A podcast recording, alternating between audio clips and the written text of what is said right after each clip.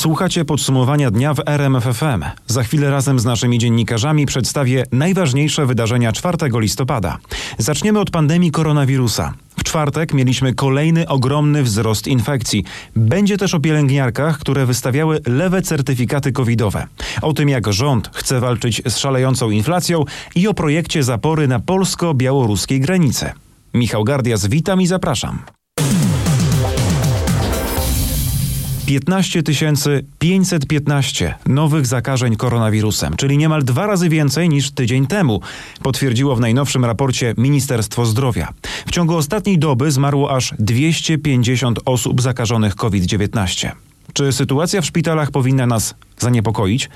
Pytamy o to Michała Dobrowicza. Zdecydowanie tak. Ponad 330 kolejnych pacjentów trafiło od wczoraj na oddziały covidowe. Trzeba było uruchomić 21 następnych respiratorów. Ten dzisiejszy gwałtowny wzrost to największy dobowy przyrost nowych zakażeń od połowy kwietnia i to jest efekt tego, jak komentuje pulmonolog profesor Adam Antczak, że koronawirus ma teraz w Polsce dobre warunki, by móc się rozprzestrzeniać. Wzrost jest e, niesamowicie dynamiczny i to jest bardzo zła wiadomość dla nas wszystkich. Pamiętajmy, że połowa z nas nie jest zaszczepiona i nie jest w ogóle chroniona. A do tego wszystkiego mamy kompletny brak dyscypliny. A jak będzie więcej nas chorych, to będzie z nas więcej umierało. Najwięcej nowych zakażeń cały czas jest w dwóch tych samych województwach, mazowieckim i lubelskim. Co trzeci przypadek COVID-19 ostatniej doby pochodzi z tych dwóch regionów. A na wspomnianym Mazowszu coraz bardziej brakuje miejsc covidowych. W szpitalach podległych marszałkowi województwa leczonych jest teraz 434 pacjentów, choć szpitale mają wyznaczone 282 łóżka dla chorych z koronawirusem. Według oficjalnych danych wojewody mazowieckiego w regionie zajętych jest 75% łóżek i 77% respiratorów. Gdzie sytuacja jest najtrudniejsza? O tym już Mariusz Piekarski. Mm, choćby w Płocku, gdzie zespolony szpital wojewódzki ma wyznaczonych 15 łóżek covidowych, wszystkie są zajęte, a kolejnych 15-20 chorych z koronawirusem zajmuje salę na innych oddziałach, ograniczając już zwykłą działalność szpitala, mówi dyrektor tej placówki Stanisław Kwiatkowski. Należy wydzielać salę jako izolatki i z dwu, trzyosobowej sali robi się jedna, żeby takiego pacjenta izolować. Podobnie jest w szpitalu brudnowskim w Warszawie, gdzie leczonych jest 38 chorych, choć szpital na papierze ma tylko trzy łóżka dla chorych covidowych. U wojewody jest już wniosek o uruchomienie w Płocku szpitala tymczasowego. Takiego szpitala pilnie potrzebuje też Warszawa. W ciągu kilku tygodni będzie uruchomiony najprawdopodobniej szpital tymczasowy na Stadionie Narodowym. Natomiast e, szpital na Okęciu 5 listopada będzie miał pełną gotowość i będzie przyjmował pacjentów. Czyli od jutra deklaruje rzecznik ministra zdrowia Wojciech Andrusiewicz. Na razie cały szpital w Pruszkowie zostaje przekształcony w covidowy. To 120 łóżek. Jak informuje nasz dziennikarz, w piątek rządowy zespół zarządzania kryzysowego zajmie się sytuacją pandemiczną w naszym kraju. To w tym gronie do tej pory zapadały decyzje w sprawie koronawirusowych obostrzeń. Ministerstwo Zdrowia rozpatruje różne scenariusze. Wszystko zależy od piątkowych danych na temat infekcji i zgonów. Minister Niedzielski liczy, że ten dzisiejszy rekord i tak znaczący wzrost to skutek jeszcze skumulowanych danych z długiego weekendu. Z drugiej strony sam minister przyznaje, że pandemia w czwartej fali bardzo przyspiesza. Ta dynamika z tygodnia na tydzień jest ponad 80%. Te trendy niepokojące, które były bardzo dynamiczne w ostatnim czasie, można uznać, że są kontynuowane. I jutro rozważane mają być kolejne możliwe kroki. Minister nie chciał jednak odpowiadać na żadne pytanie w tej sprawie. Cały czas skupia się na tym, by przestrzegane były obecne przepisy. Policja ma jeszcze bardziej kontrolować transport publiczny czy galerie handlowe, a tam pracownicy przy wejściu mają rozdawać maseczki. Minister Niedzielski jakby uprzedzając pytania, których nie pozwolił sobie zadać, dlaczego rząd ciągle czeka z decyzjami, sam sobie odpowiedział, że rok temu było ponad 10 tysięcy więcej hospitalizacji. Warszawa, Mariusz Piekarski. Powtórzę, ponad 330 pacjentów z COVID-19 w środę trafiło do polskich szpitali. Dzień wcześniej ponad 700.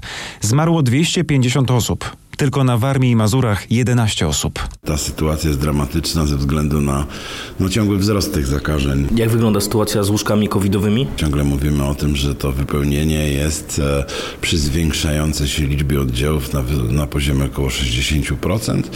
W przypadku łóżek respiratorowych e, ten wzrost w sensie zajętości nie jest tak wyraźny, ale prawda też jest taka, że wielu pacjentów z tych łóżek po prostu odchodzi. Z szefem warmińsko-mazurskiego sanepidu Januszem Dzisko rozmawiał nasz reporter Piotr Bułakowski. W Wielkiej Brytanii dopuszczono lekarstwo na COVID-19. To pierwszy kraj na świecie, gdzie molnupiravir będzie podawany pacjentom, którzy mają objawy zakażenia.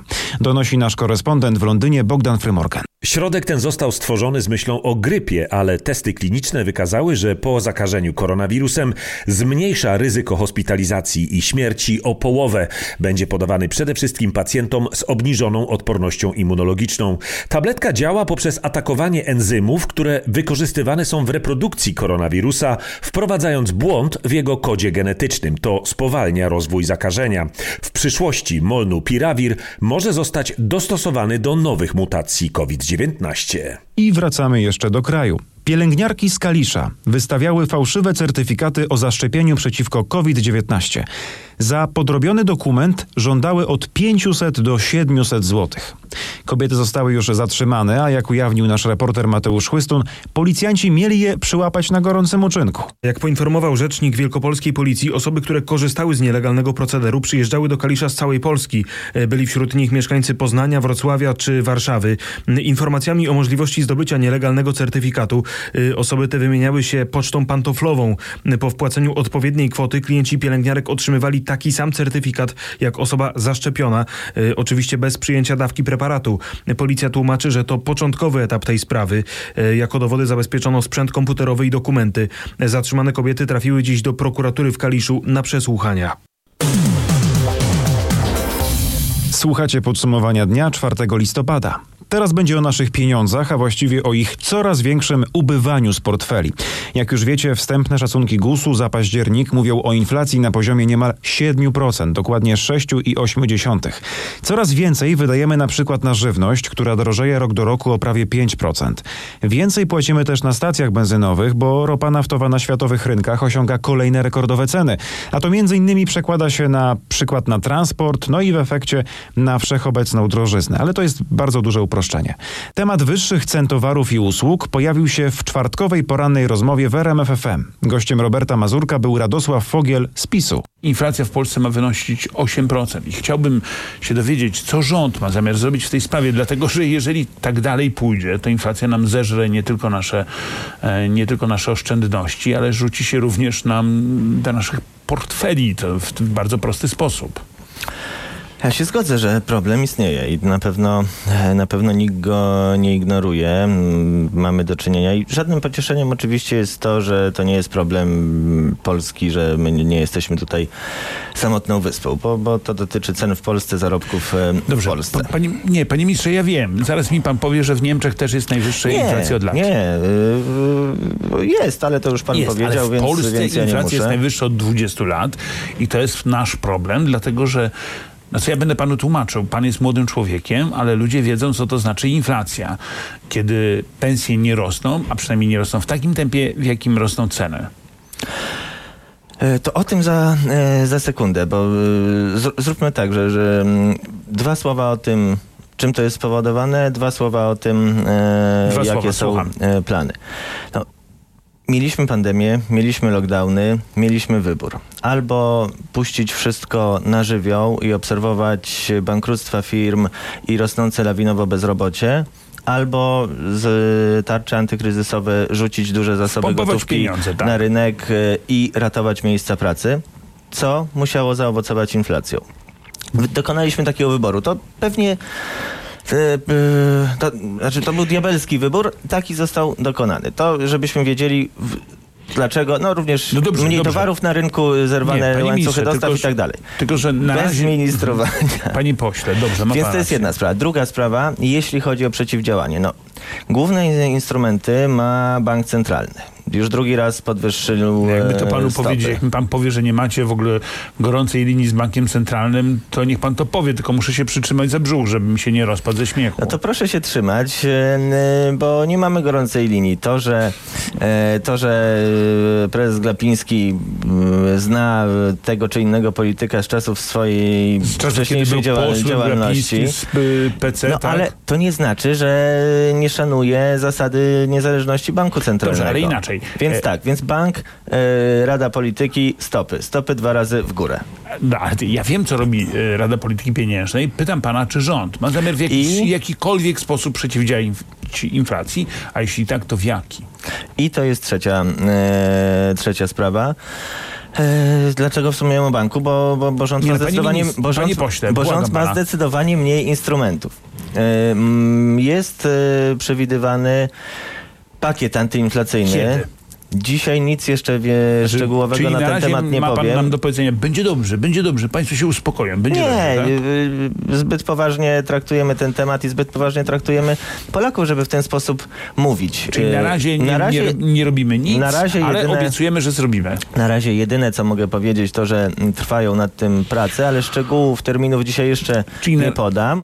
Cała rozmowa Robert Mazurek i Radosław Fogiel z Prawa i Sprawiedliwości czeka na stronie rmf24.pl, a także na rmfon.pl. Tam wiele różnych tematycznych podcastów. Na pewno znajdziecie coś dla siebie. Temat pieniędzy ciąg dalszy. Polski rząd zapowiada, że nie będzie płacił naliczanych nam od środy kar za funkcjonowanie Izby Dyscyplinarnej Sądu Najwyższego. E, Przypomnę, że te kary to milion euro dziennie, nałożone przez Trybunał Sprawiedliwości Unii Europejskiej. Jak chcemy tych kar uniknąć? O tym Krzysztof Berenda. Rząd ma przygotowane dwa sposoby. Pierwszy jest sposobem po dobroci. Bliscy rządowi politycy zapowiadają, że wkrótce przedstawią projekt likwidujący Izbę Dyscyplinarną. W ten sposób problem zostanie rozwiązany tak jak chce tego reszta Unii Europejskiej, więc kary potrzebne nie będą. Drugi pomysł na niepłacenie kar jest po prostu pomysłem siłowym. Coraz więcej rządzących polityków, zwłaszcza tych antyunijnych czy uniosceptycznych, mówi, że najwyżej po prostu nie zapłacimy, a jeżeli Unia potrąci nam te kary z wypłacanych funduszy, to my będziemy płacić niższe składki. No właśnie, czy taki scenariusz w ogóle wchodzi w grę? Pytamy o to naszą korespondentkę w Brukseli, Katarzynę Szymańską-Borginą. Pomniejszenie składki postawiłoby pod znakiem zapytania członkostwo Polski w Unii i rozłościłoby już nie tylko Brukselę, ale i unijne kraje. Kar nie da się uniknąć. Polska jest beneficjentem netto unijnych funduszy, tak więc zawsze będzie z czego potrącać i to z karnymi odsetkami za zwłokę. Komisja Europejska ma jednak nadzieję, że Polska się dostosuje, bo kary mają służyć wymuszeniu tego dostosowania, a nie zasilaniu unijnego budżetu. Mm, Co z tego stanie się faktem? Sprawdzajcie na naszej antenie. A jeśli chodzi o Unię, to Parlament Europejski przygotowuje rezolucję, w której eurodeputowani potępią orzeczenie Trybunału Konstytucyjnego, który rok temu praktycznie zakazał aborcji w Polsce. Katarzyna Szymańska-Borginą donosi, że w dokumencie ma znaleźć się także odwołanie do śmierci ciężarnej 30-latki z Pszczyny, która, jak wynika z relacji rodziny, zmarła z powodu odmowy wykonania aborcji ratującej życie. Jak ustaliłam, socjaldemokraci zgłosili poprawkę, która z pewnością znajdzie poparcie innych frakcji dotyczącą śmierci 30-letniej kobiety z Pszczyny. Jest pierwszą osobą, która zmarła w bezpośredniej konsekwencji orzeczenia Trybunału Konstytucyjnego i jego mrożącego wpływu na lekarzy w Polsce. Czytamy w dokumencie. Głosowanie nad rezolucją odbędzie się w przyszłym tygodniu we czwartek. Projekt uzgodniły największe prodemokratyczne frakcje, a więc Europejska Partia Ludowa, Socjaldemokraci, Zieloni, Liberałowie i Skrajna Lewica. Jest więc pewne, że dokument zostanie przyjęty. Eurodeputowani przypominają, że wiele Polek musiało w ostatnim roku dokonywać aborcji poza granicami Polski. Wzywają Radę Unii Europejskiej, by zajęła się sprawą aborcji w Polsce podczas przesłuchań w ramach procedury artykułu 7 Traktatu Unii. Zaniepokojeni związkowcy ze śląskich kopalń chcą pilnego spotkania z wicepremierem Jackiem Sasinem. Chodzi o zmianę na stanowisku wiceministra odpowiedzialnego za górnictwo i negocjacje z Komisją Europejską w sprawie umowy społecznej dotyczącej tej branży. Do wicepremiera wysłano w tej sprawie list ze Śląska. Co tak bardzo zaniepokoiło związkowców? Chodzi o upływający czas. Według nich y, chodzi o osoby, które podpisały umowę społeczną dotyczącą górnictwa. Przeprowadzone właśnie teraz zmiany kadrowe mogą źle wpływać na tempo rozmów z przedstawicielami Komisji Europejskiej. Do końca roku są niespełna dwa miesiące, a bez wstępnej zgody Komisji od stycznia przyszłego roku węglowe spółki nie mogłyby liczyć na wsparcie z budżetu państwa, co z kolei mogłoby fatalnie wpłynąć na sytuację kopalń. I dlatego związkowcy chcą teraz między innymi wiedzieć, na jakim obecnie etapie są rozmowy z przedstawicielami Komisji. A co na to Ministerstwo Aktywów Państwowych? Tutaj odpowiedź jest krótka. Jak usłyszałem dzisiaj w Warszawie, rozmowy z przedstawicielami komisji się toczą i nie są zagrożone w związku ze zmianami kadrowymi w ministerstwie, natomiast na razie decyzji o ewentualnym spotkaniu wicepremiera ze związkowcami nie ma. To był Marcin Buczek i Katarzyna Staszko. Brak możliwości wezwania wsparcia czy konsultacji z dyspozytorem co do stanu transportowanego pacjenta. Z takimi problemami zetknęli się kilka dni temu wielkopolscy ratownicy medyczni. Dyspozytornia pogotowia przejęta przed miesiącem przez Urząd Wojewódzki przestała działać. Oficjalny powód to konieczność jej zdezynfekowania i przewietrzenia. W podsumowaniu dnia ponownie Mateusz Chłystun, który opisuje jak ta sytuacja wyglądała w praktyce. Zespoły ratownictwa medycznego z regionu, które wyjeżdżały do pacjentów, nie mogły dodzwonić się do dyspozytorów, którzy podejmują kluczowe decyzje co do transportu pacjentów czy ewentualnego wsparcia ratowników na miejscu. Y, o planach wyłączenia dyspozytorni nikt wcześniej nie powiadomił stacji pogotowia. Dyspozytornia zastępcza w tym momencie nie zadziałała. Zespoły nie dostały informacji o alternatywnych numerach telefonu do tej dyspozytorni zastępczej. Wyjaśniał Jakub Wakuluk z Poznańskiego Pogotowia Ratunkowego. Jedna z ekip ratowników, która pomagała poszkodowanym w wypadku, została pozbawiona możliwości wezwania wsparcia. Zespół, który był na miejscu, musiał sam sobie poradzić z dwoma pacjentami. Po zgłoszeniu problemów do koordynatora wojewódzkiego ratownicy mieli usłyszeć o możliwości łączności radiowej. Problem w tym, że ta w wielkopolskiej dyspozytorni nie działa od czerwca. Cały czas sprawdzamy, co dzieje się na polsko-białoruskiej granicy. Tam gorąco. Jak podało Ministerstwo Obrony Narodowej w środę, doszło do kolejnej prowokacji wobec polskich żołnierzy pełniących służbę na granicy. Wojskowi zlokalizowali grupę około 250 migrantów w pobliżu ogrodzenia. Pilnujący ich białoruscy wojskowi zagrozili otwarciem ognia w kierunku naszych żołnierzy. Jak informuje nasz reporter Piotr Bułakowski, polscy żołnierze nie dali się sprowokować. No, zgadza się, na szczęście nie doszło tutaj do żadnego groźnego incydentu. Jak informują polskie służby, to kolejny przykład, że białoruskie służby siłą przepychają migrantów na teren naszego kraju. Przypomnę, we wtorek e, w nocy polscy żołnierze po naszej stronie granicy zauważyli trzy umundurowane osoby z bronią długą, które e, po próbie nawiązania kontaktu przeładowały broń i oddaliły się w kierunku Białorusi. Białorusi. No to teraz jak wyglądają statystyki z granicy za ostatnią dobę? Tylko wczoraj Straż Graniczna odnotowała ponad 400 prób y, nielegalnego przekroczenia granicy. Zatrzymanych zostało 9 osób, 6 obywateli Iraku, 2 obywateli Syrii i 1 obywatel Turcji. Y, wobec 67 osób y, wydano postanowienie o opuszczeniu Polski. Od początku kryzysu migracyjnego na pograniczu polsko-białoruskim doszło do ponad 30 tysięcy prób nielegalnego e, przekroczenia granicy. Sporo pracy ma też policja. Tak, e, niemal każdej doby policjanci zatrzymują kurierów, którzy e, przewożą na zachód osoby, które nielegalnie dostały się do naszego kraju. Ostatniej doby zatrzymano cztery takie osoby. W Siemiatyczach policjanci kontrolowali samochody i zatrzymali auto, którym podróżowały trzy obywatelki Niemiec, które przewoziły dwie osoby z Turcji. Natomiast w miejscowości Zwodzieckie koło Hajnówki Polak przewoził siedmiu obywateli Iraku. E, policjanci od początku trwania tego kryzysu migracyjnego zatrzymali ponad 230 e, kurierów. Te osoby miały pomagać obcokrajowcom w przemieszczaniu się na zachód. W samochodach kurierów było łącznie prawie tysiąc osób. Rząd przedstawił projekt budowy zapory na granicy z Białorusią. To ma być 180 km muru ze stali, wysokiego na 5,5 metra. Ogrodzenie ma powstać ekspresowo szybko, bez przetargów, najpóźniej do połowy przyszłego roku. O szczegółach mówi nasz reporter Roch Kowalski. Nowy mur powstanie głównie na terenie Podlasia, bo na Lubelszczyźnie istnieje już naturalna przeszkoda, czyli rzeka Bóg. Zapora będzie stalowym ogrodzeniem z ustawionymi co 5 metrów słupami. To nie będzie tylko fizyczna, inżynieryjna zapora, ale będzie ona wyposażona w cały system tak zwanej perymetrii, czyli wzdłuż całej granicy będą czujniki ruchu, będą kamery, Zapowiadał minister Mariusz Kamiński. Wzmocniona zostanie też Straż Graniczna, która przyjmie ponad 700 nowych funkcjonariuszy. Mur według wstępnych wyliczeń ma kosztować 1,5 miliarda złotych, choć na razie nie wiadomo, czy galopująca inflacja tych kosztów nie podniesie. Mamy środki poważne zabezpieczone na zabezpieczenie granicy. Wydaje się, że są to środki adekwatne. Zapora ma powstać najpóźniej do końca pierwszej połowy przyszłego roku. Słuchacie podsumowania dnia. To musi być miłość. Ta świąteczna komedia o uczuciach właśnie w piątek wejdzie do naszych kin.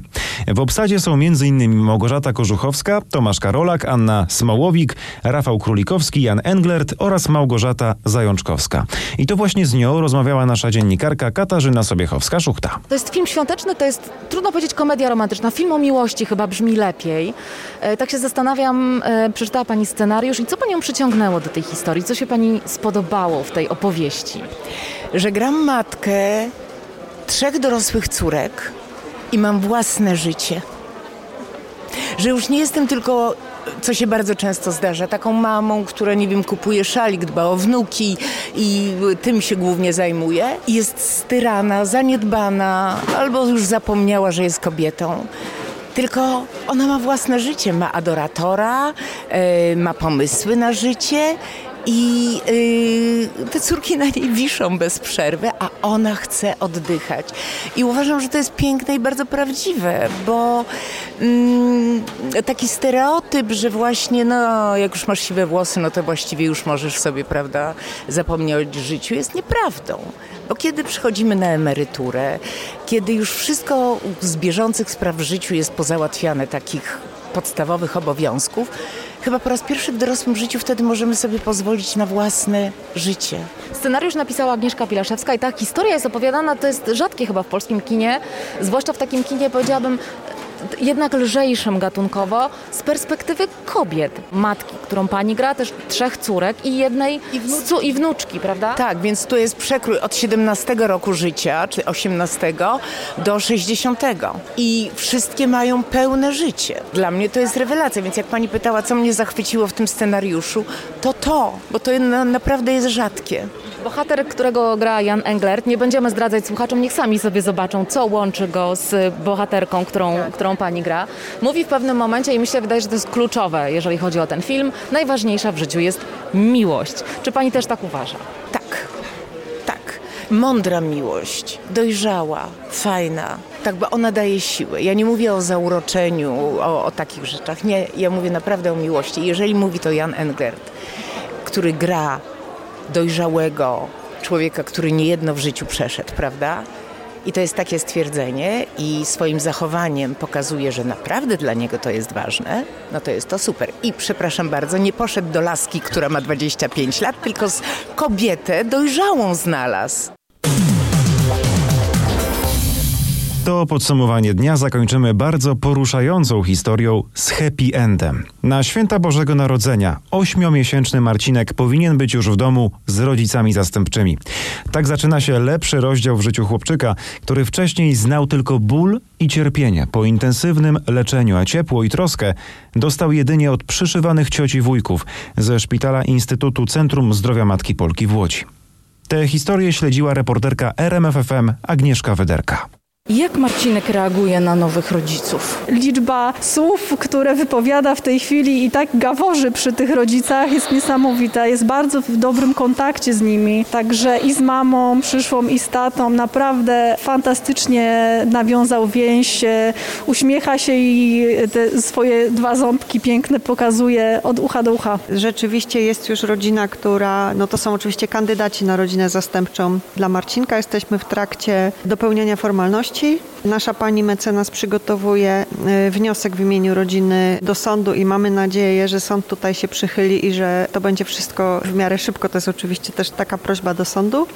Natomiast chciałam powiedzieć też, że zdarzył się taki bardzo miły przypadek, ponieważ kiedy kandydaci na rodzinę zastępczą e, pojawili się e, w kancelarii pani mecenas, okazało się, że zastępcza mama i pani mecenas razem chodziły do klasy. Także okazało się nagle, że świat jest bardzo mały Dowiedziałam się od pani mecenas, że to naprawdę wspaniała rodzina, wspaniała dziewczyna. Także no, ponieważ nie miałam okazji jeszcze tych państwa poznać, to też poczułam taką radość i spokój, y, że kolejne dziecko idzie w dobre ręce, pomimo, że jest chore. Marcinek jest otoczony nastawiony teraz wielką miłością. Naprawdę fantastyczny e, odzew, jeżeli chodzi o opiekunów. Bardzo wrażliwi, wspaniali ludzie, którzy myślę, że e, będą tutaj doskonałymi rodzicami dla tego chłopca.